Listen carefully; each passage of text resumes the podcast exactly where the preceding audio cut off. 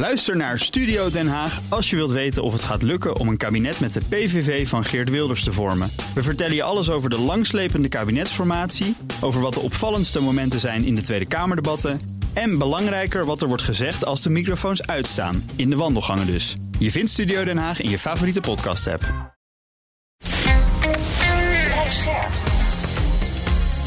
BNR Nieuwsradio. Boekenstein en de Wijk. Hugo Reitsma. Dit is een extra uitzending van Boekenstein en de Wijk in verband met de oorlog in Oekraïne en de crisis met Rusland. Het is dinsdag, dag 251 van de invasie. En iemand wiens naam is Haas vraagt: waar houden de Spetsnaz zich mee bezig? Ja, dat is een goede vraag, want uh, dat hebben wij natuurlijk ook een aantal malen uh, genoemd, die term Spetsnaz. Dat is gewoon een Russische term waarmee feitelijk uh, de speciale eenheden worden aangeduid. Maar de, de, eenheden waar wij speciaal in geïnteresseerd zijn, dat zijn eenheden die bijvoorbeeld actief zouden kunnen zijn op binnen NAVO-gebied. En oh, uh, daarvan weten we dus ook dat die er zijn. Uh, we lezen ook af en toe in de krant dat er, uh, en dat is, is dan niet direct uh, maar dat zijn zogenaamde illegals. dat zijn mensen die eigenlijk de westerse levensstijl hebben aangenomen en zich in niks onderscheiden van bijvoorbeeld een Nederlander, een Duitser of een Amerikaan. Oh ja, daar was een goede serie over een keer. Ja, de Americans. Ja, ja precies. Ja, ja nee, dat klopt. Ja. Dat klopt. Nee, maar dat bestaat echt. En uh, nu, je me, nu je dat zegt, uh, doet me dat uh, denken aan mevrouw Chapman. En mevrouw Chapman, dat was een, een Russin. die is getrouwd met, je raadt met meneer Chapman. Dat was een Brit. Ze zijn samen verhuisd naar Amerika. En daar zijn ze een winkeltje begonnen. Net zoals in Americans in die Netflix-serie. Of ik geloof dat Netflix is, maar hij is ook op andere kanalen te zien geweest. Uh, deze mevrouw Chapman die is een winkeltje begonnen, uh, een soort van makelaardij. Alleen er gebeurde weinig in. Dat liep natuurlijk op een gegeven moment in de, in de, in de gaten. En het bleek gewoon dat ze daar uh, bezig was om informatie in te winnen in Amerika. En dat door te spelen aan de Russen. Nou, ze is uitgewezen. Er is een, sprake geweest van een uitruil toen van, van dit soort types. want Amerika doet natuurlijk ongeveer hetzelfde in Rusland. Maar eh, volgens goed gebruik heeft eh, Rusland het bestaan van haar als spion ontkend.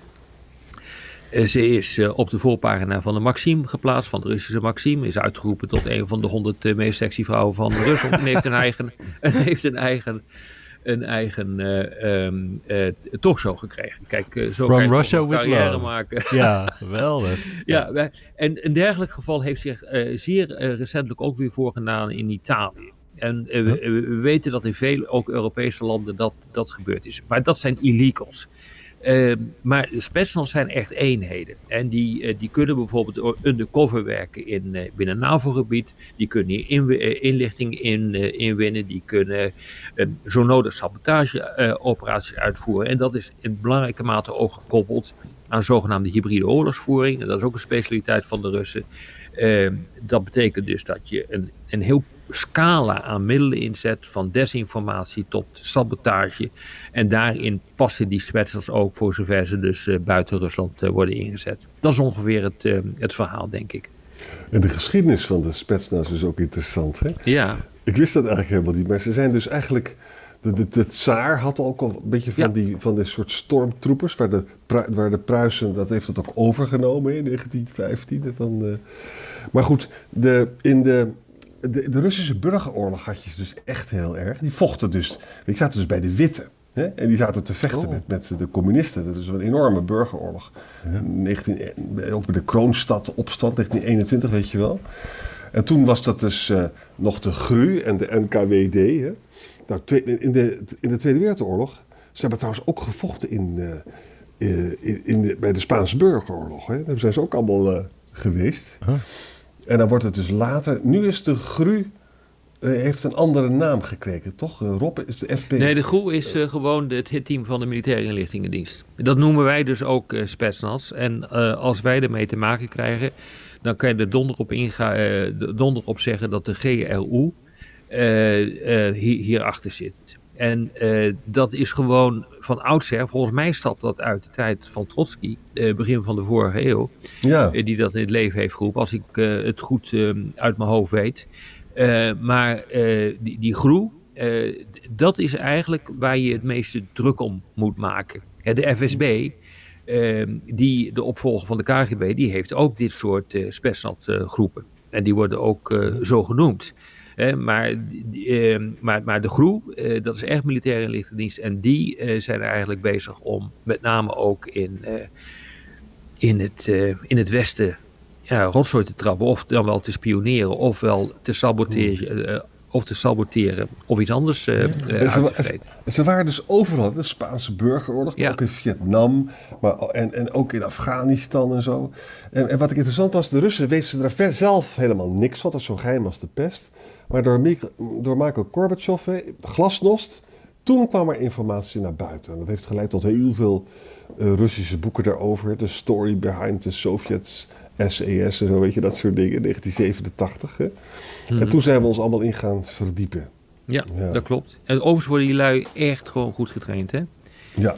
Uh, ik weet alleen van de FSB dat ze pakweg vijf jaar lang een training ondergaan. Dat is wel wat anders dan uh, waar we het gisteren over hadden met die jongens uh, die zonder training naar het front worden gestuurd. Ja, ja. Ik dacht eerder dat die Spetsnaz dat, dat zeg maar vergelijkbaar was met de commando's of het korps mariniers. Maar dat is ja, dus ook. Ook. Oh. Ook, maar het, uh, voor ons is het meer een verzamelgebied geworden, omdat wij als, als NAVO-leden daar naar kijken, naar wat er gebeurt en wat ze hier aan het doen zijn. Ja. En dan zijn Spetsnaz eigenlijk gewoon feitelijk eh, speciale operaties met teams die undercover het een en ander hier kunnen, kunnen uitvoeren. Ja. Overigens hoor je best wel regelmatig van, nou, ik moet dan denken aan die, die aanslag in Salisbury tegen, wat was het, Litvinenko. Ja, dat exact. gaat toch om soms wel een beetje slordig aan toe allemaal. Nou ja, ze dat is... heel veel sporen achter en dan doen ze een stom tv-interview waarin ze teksten van Wikipedia oplezen. Ja. Het is allemaal wel dat je denkt, nou, nee, exact, exact, kom op. Exact. Nee, maar er zijn echt, uh, in dit laatste boek dat ik uh, heb, heb geschreven, Slag om Europa, heb ik een heel hoofdstuk aan uh, gewijd.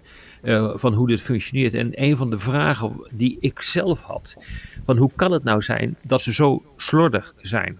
Want toen die Salisbury-aanval is uh, geweest, toen zag je dus dat die, die eenheid, die flikkerde gewoon een, uh, een, een, een, flesje, een parfumflesje met Novichok ja. in de bosjes.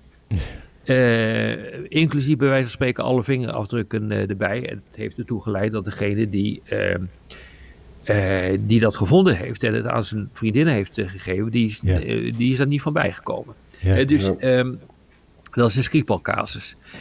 Maar het probleem is, waarom doen ze dit zo? We zagen dat ook toen die hack werd uit, nee, toen, die, ja, toen die, die, dat team een hacks uitvoerde in de OVCW in Den Haag een aantal jaar geleden. Ook de, de, taxibonnetjes en zo, die lagen allemaal klaar. En god, je, je kon, het was allemaal zo te traceren.